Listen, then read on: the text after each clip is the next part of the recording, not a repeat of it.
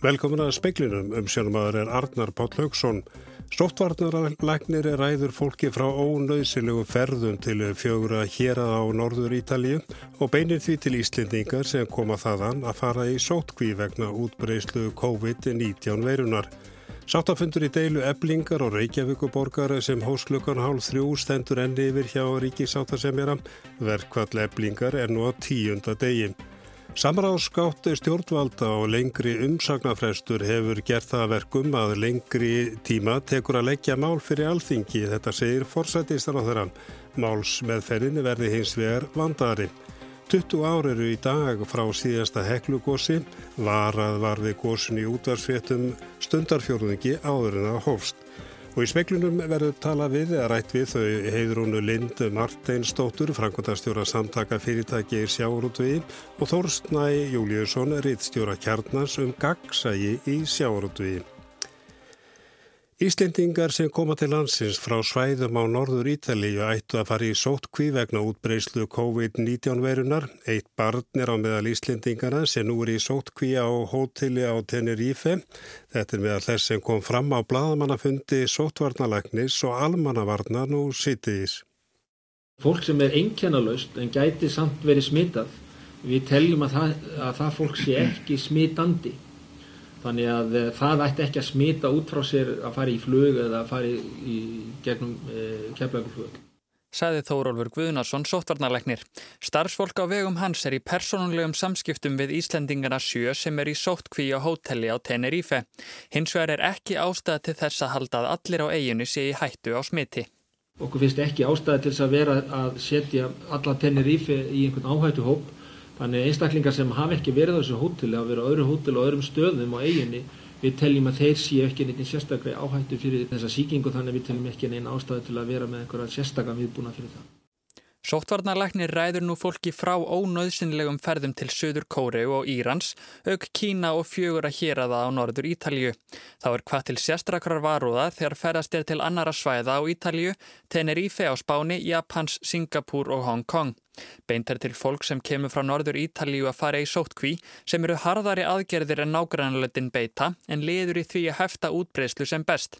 Röggvaldur Ólafsson, aðgerastjóri almannavarna, leggur áherslu á að almenningur fylgist vel með upplýsingum og fari eftir tilmælum um hreinlæti. Skilabóðin bara frá okkur er að munum bara halda, halda róka og fylgjast bara með, vel með fréttum og umfjöldunum um þetta málefni. Sæði Rökkvaldur Óláfsson áður heyriðist í Þórólaug Guðnarsinni, Andri Irkil Valsson tók bystinni saman.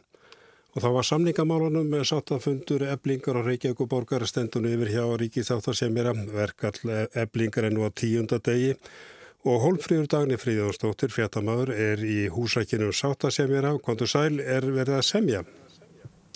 Já, það er spurning. Samningarnæmdir, eblingar og reykjavíkuborgar hafa minnstakosti setið á sáttafundi hjá Ríksatsemmera frá því klukkan hálf þrjú í dag.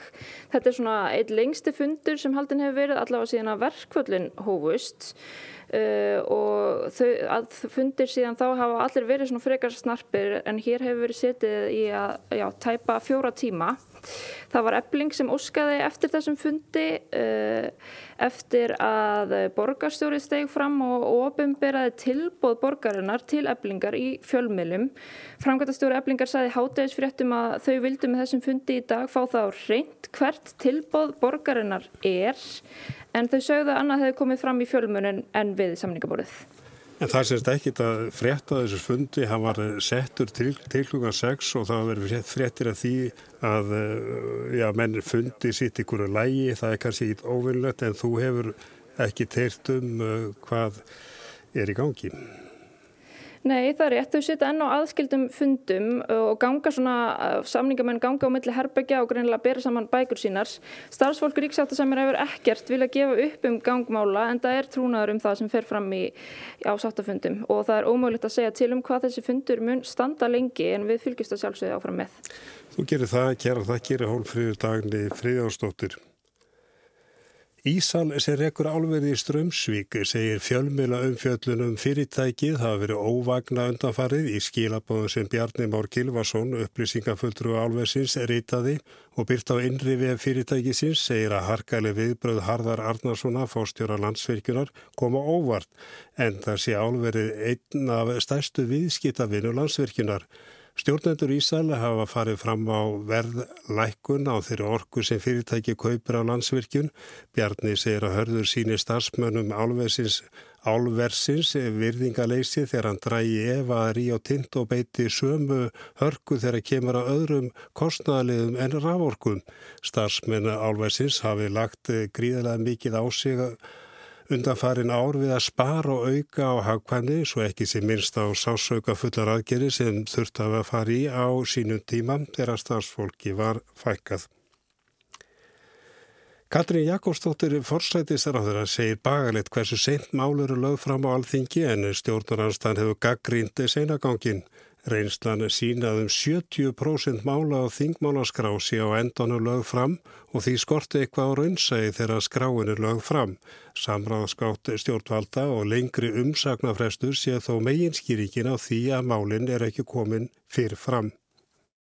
En staðrendin er svo að frá því að við tókum upp samráðskátt uh, stjórnarhásis sem við gerðum í tíð þessara ríkistjórnar þá hefur meðgöngutími mála lengst Á sama tíma lengdi alþingi umsagnarfrest og tveimu vikum í þrjár þannig að umfjöllunartími máli nefndum hefur líka lengst og staðan er til að mynda svo og þau mál sem ég mælti sjálf fyrir hér á alþingi í nóvember að þau eru endi meðferðar í nefndum þingsins þannig að það má segja að allt þetta ferli hafi uh, verið að lengjast vonandi skilar það vandari málsmeðferðin áður en á sama tíma þurfum við þetta að gæta aukins raunsæðis í okkar áallanagerð.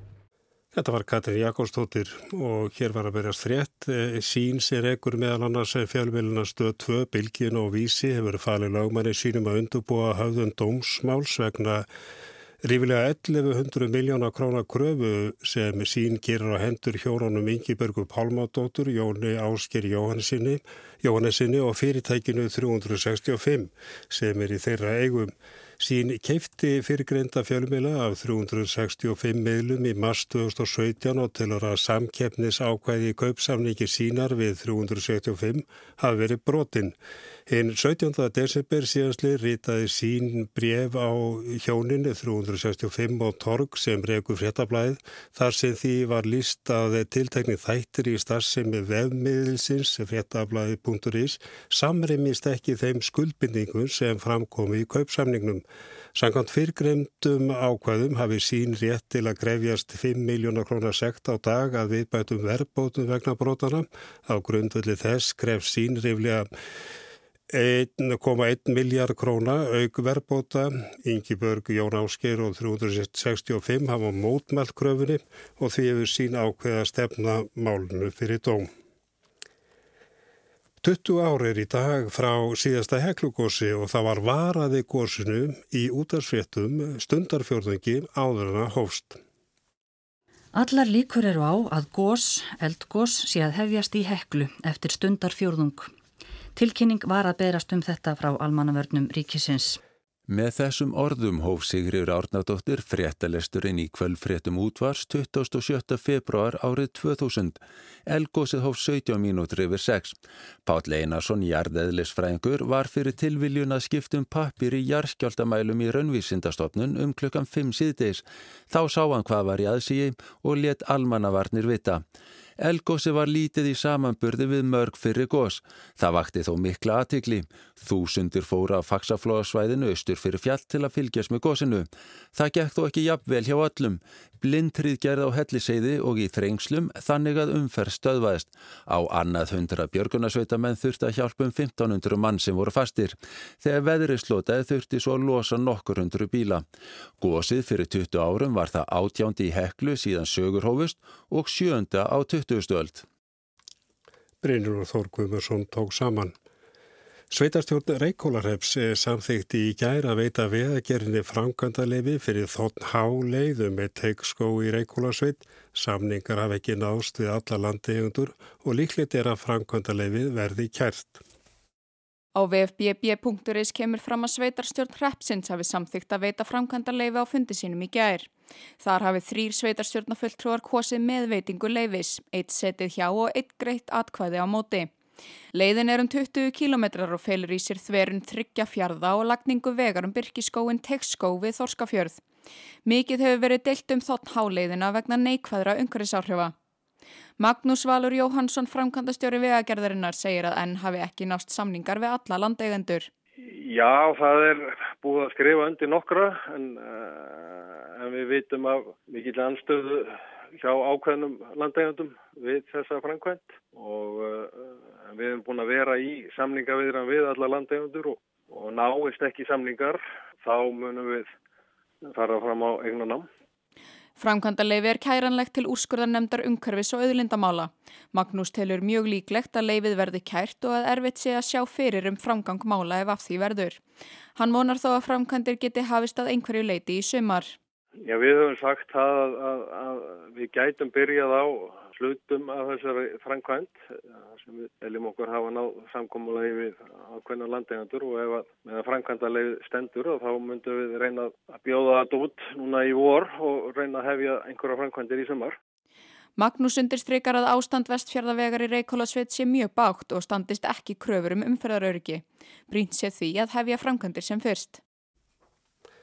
Þetta var Elsa Marja Guðlaugs drífudóttir, hún talaði Magnús Val Jóhansson.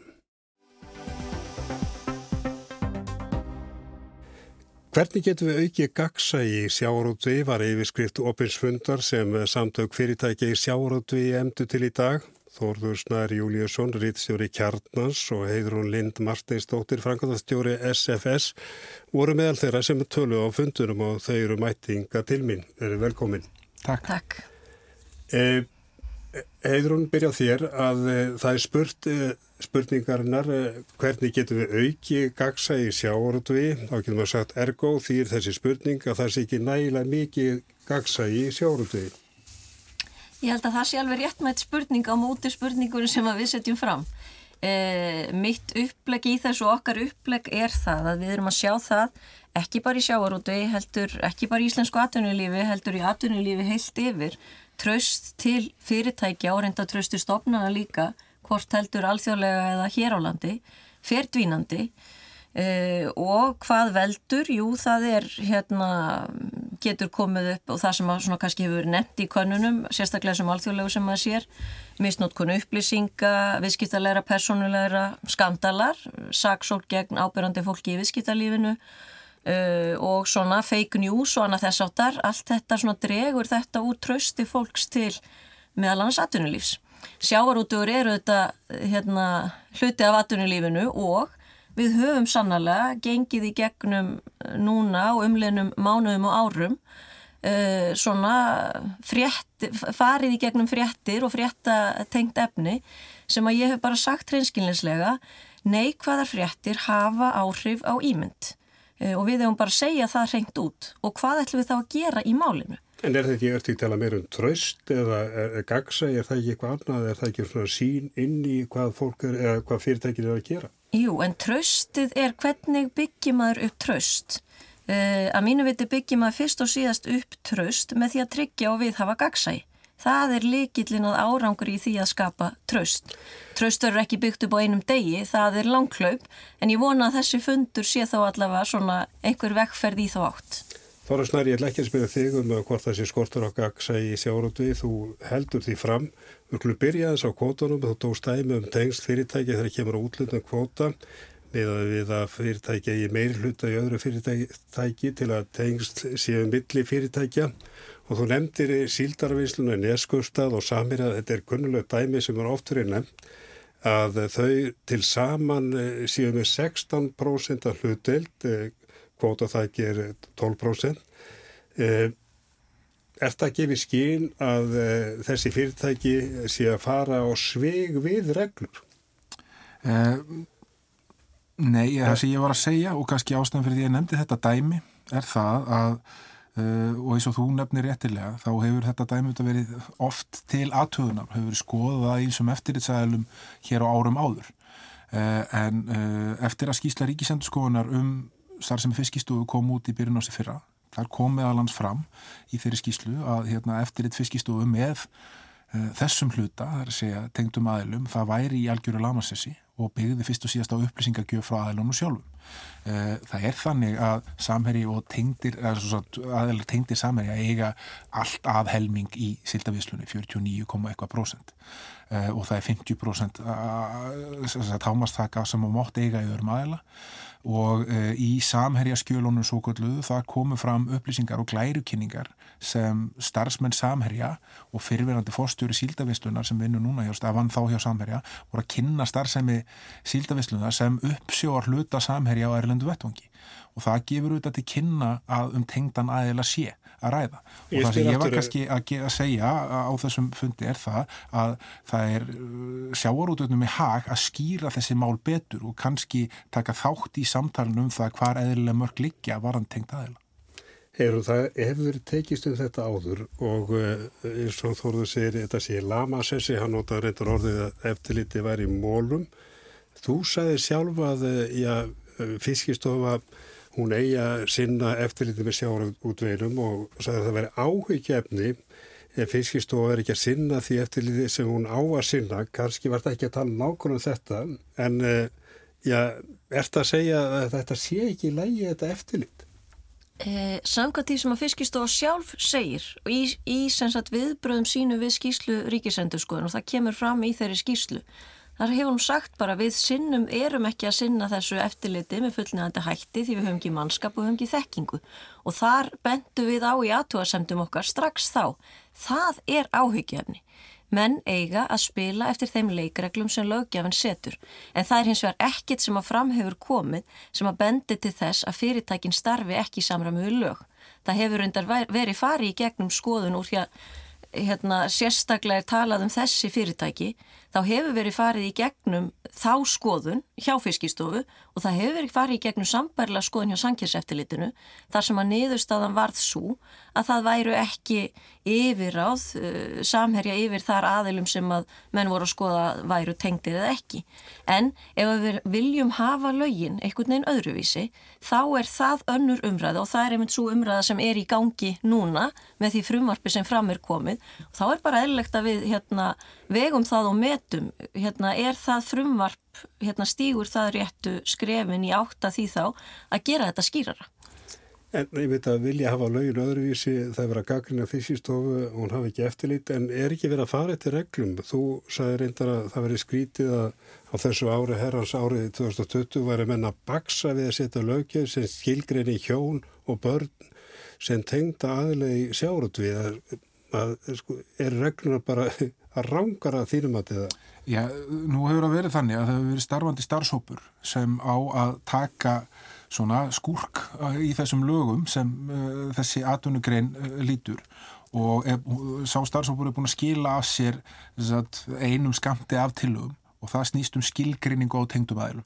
Það er meðal annars í fyrsta sinn verið að leggja til að meðal annars hjón og börn séu skilgrindi tengdir aðilar og það eru auðvitað eitthvað sem við fórum til dæmis e, í gegnum e, í lögum um fjármálafyrirtæki fyrir já, rúm áratug síðan uh, til þess að setja þær skilgjarningar þarinn. Annað sem er til skoðunar hjá þessum starfsópi er það að skoða meðal annars hvort að það er að breyta viðmiðinu sem skilgjarni tengdaðila frá því að vera meiri hlutaegn eins og það er í dag eða 50% og þar hefur meðal hans umræðinu verið nefnt í sögunar að í, hérna, í, fyrir fyrirtæki á skráðu markaði þá myndast yfirtöku skilda við 30% eignarlut og svo er þriðja aðrið auðvitað það hversu hátt á þetta kvóta þag að vera, það er að segja hversu stóran hluta af heil, heildar útlutuðum kvota uh, á einn aðilega tengdir, tengdir aðilar sem mynda hóp að fá að halda á. Í dag er það 12% á það að vera hærra eða á það að vera að læra og svo verða menn bara vega og meta kostin og gallana sem eru við það. Eh, þið myndist á að þú heiður hún á þetta frumvarfi að drauga frumvarfi sem er í samráðskáttinni og eh, ég reyndar ekki lesið það spjaldana milli En uh, þar er verið að hveða á um auknar skildur sjáarótus fyrirtækja til upplýsingarskildum og eins og ég skilir þetta þá er það já, 30 fyrirtæki, 15 þeirra eru sjáarótus fyrirtæki sem að tengjast almanna hagsmunum. E, þú ert vantilega búin að lesa það frumvarpið og e, býður, er kannski byrjað að skrifa já, að þú að senda eða sendin eitthvað. Eru samtökin sammála þessu frumvarpi?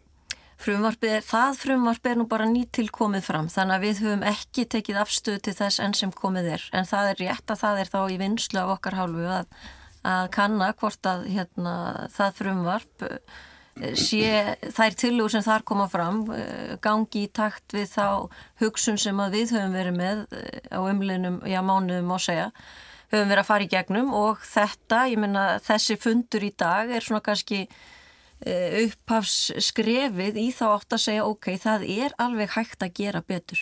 En Við ég... getum veitt, það, það er alveg eðlilegt að gerð sér aukinn krafa eh, til fyrirtæki sem að, fyrirtæki sem að meðalans höndla með auðlendir. Það er bara gott og vel eh, að það sé gerð ítalegri krafa til þeirra um að þau byrti ákveðnar upplýsingar. Og það er samtalið sem við erum að taka og við erum að segja ok, við ætlum að hlusta hvaða hugmyndir hafa aðrir aðilar en við, eh, við erum ekki bara að skoða okkar eigin nafla, heldur viljum við líka heyra frá öðrum, hérna hvað er það sem að fólk eh, vil sjá í þessum, eh, þessari upplýsingagjöf til þess að þetta auka tröstið.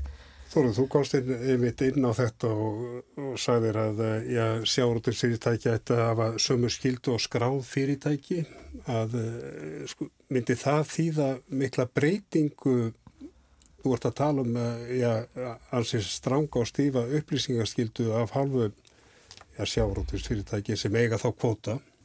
Já, ég sagði reyndar að það voru góður okkur því að upplýsingarskildan ætti að vera enn strángari þegar, þegar fyrir, um fyrirtæki er að ræða sem nýta náttúruölindir sem eru skilgjendar í sammelir eigu þjóðar og vegna þess að þau eru uppistöðu annars eðlis en önnur fyrirtæki.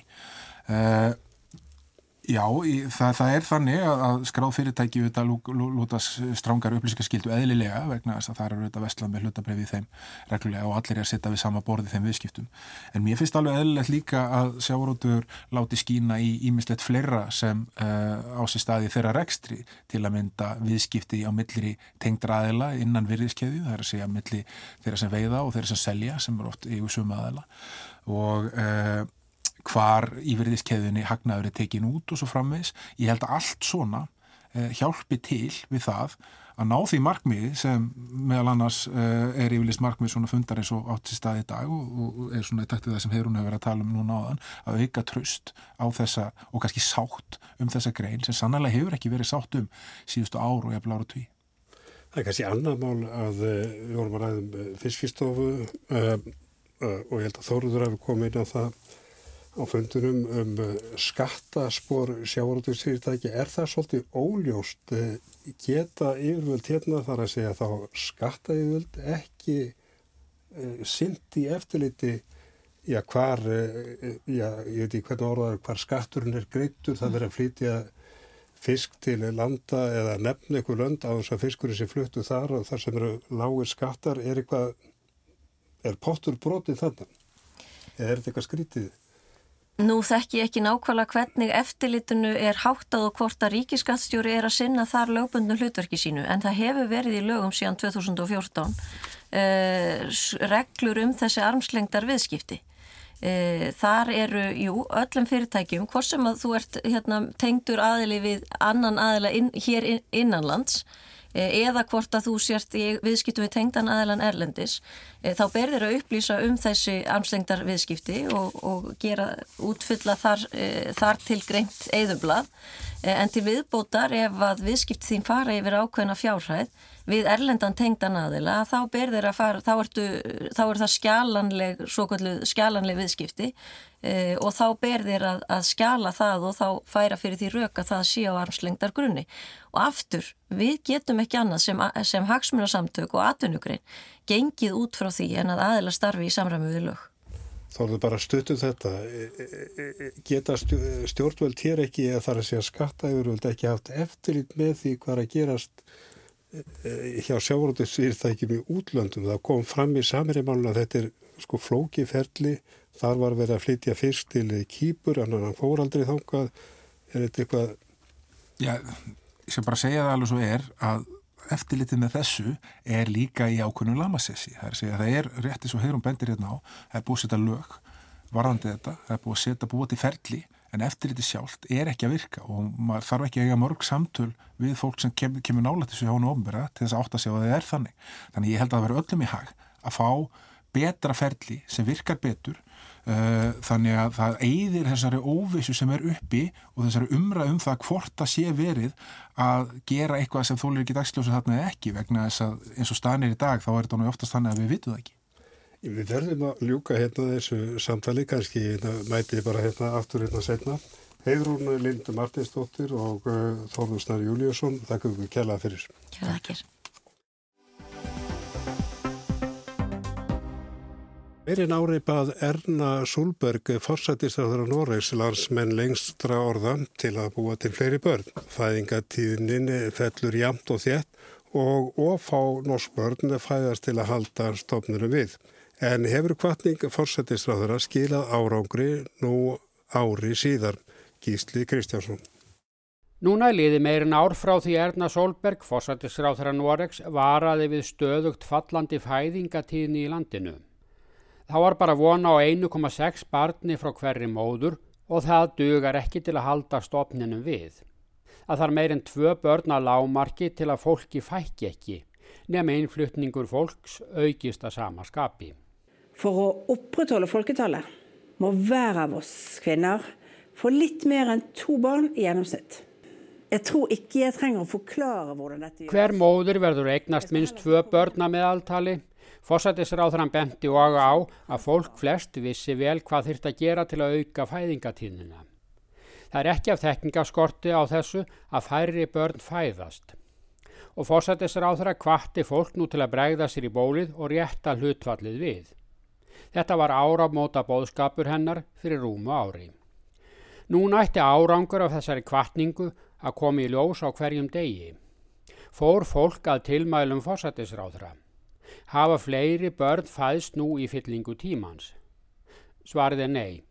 Fæðingatíðni hér í Nóri hefur fallið enn og er nú komin niður í 1,54 börn á móður. Takmarkið um að viðhalda stopninum fjallægist og það bætir síst ástandið að færri flytja til landsins en áður. Mannekla eru orðin áberandi í byggðum Norðanlands og atvinnureikundur þar viljað opna verði fyrir komur fleira flóttafólks en heimamenn þaðan flytja til borgarinnar, einleipir og barnlausir. Tilrönni til að lokka fólk til barnegna skila ekki árangri. Fæðingarólof fyrir báða foreldra, barnabætur í haugum, leikskólar fyrir alla og afbrags ókeipis heilbriðistjónusta á að freysta fólks til að fjölga landsmönnum, en það gerist ekki. Aldrei hefur verið meira gert til að snúa þróuninni við og stefna á markmiðum minst tvö börn á fjölskyldu en árangun er engin. Hver ber ábyrð á þessar öfugþróun? Forsættisra á þeirra sagði að hver móðir þyrta eignast minst tvö börn. Rannsóknir og kannanir sína þó að sökin er ekki hjá maðurónum sem þó eiga að bera fram börnin. Þær eru óhjókvæmilega líkil personur í að bregðast við bón forsættisra á þeirra um fleiri börn. Sökin virðist vera hjá körlunum. Þar kemur tvent til. Annars vegar er það svo að stöðut fleiri karlmenn kjósa eða í það minnst enda í einlífi án afkomenda. Fyrir tíu árum var þetta hlutvall komið í 25% meðal karla sem orðnir voru 45 ára. Fjórði hver maður hafði aldrei verið í hvern mann kentur. Nú horfir þetta enn til verri vegar. Nýjustu tölur hagstofuna sína að þriðji hver karlmaður býr nú einn og afkomenda laus. Hlutvallið er komið í 33%. Hjónaband eða sambúð freistar færri og færri karla. Orsökin getur líka verið að færri og færri karlar þykji freistandi til sambúðar. Þó bendir margt til að karlarnir sem umfram allt afhuga barnegnum. Þó reyna barnsfæðingar meira á móður en föður. Skoðanakönnun hefur lett í ljós að það eru karlarnir sem leggjast gegn hugmyndum um fleiri börn á heimilunum. Þeir ímist kjósa einlífi eða til vara að eiginkonan fann ekki að hlaða niður börnum. Sama könnun sínir að konurnar vilja hjarnan fá fleiri börn en karlarnir snúa sér til vekkjar. Þeir bera við frelsiskerðingu við barnagæslu og bleiuskipti, vilja ekki láta hlekkja sig við klósettskálina og kjósa fremur fjörugar samræður á kaffihúsum eða beinar útsendingar frá knaspirnuklappleikjum. Hlutverk heimilisföður virðist vera ofbindandi fyrir karlana og fleiri og fleiri berjast gegn höftum á einstaklingsfrelsinu. Og þar með fæðast færri og færri börn þótt peningar séu bóði frá ríkinu og allt gert til að létta auðmingja mönnunum erfiðið við barna uppeldið heima. Og þar með líkur speiklum í kvöldi tæknumar var Jón Þór Helgarsson, erðið sæl.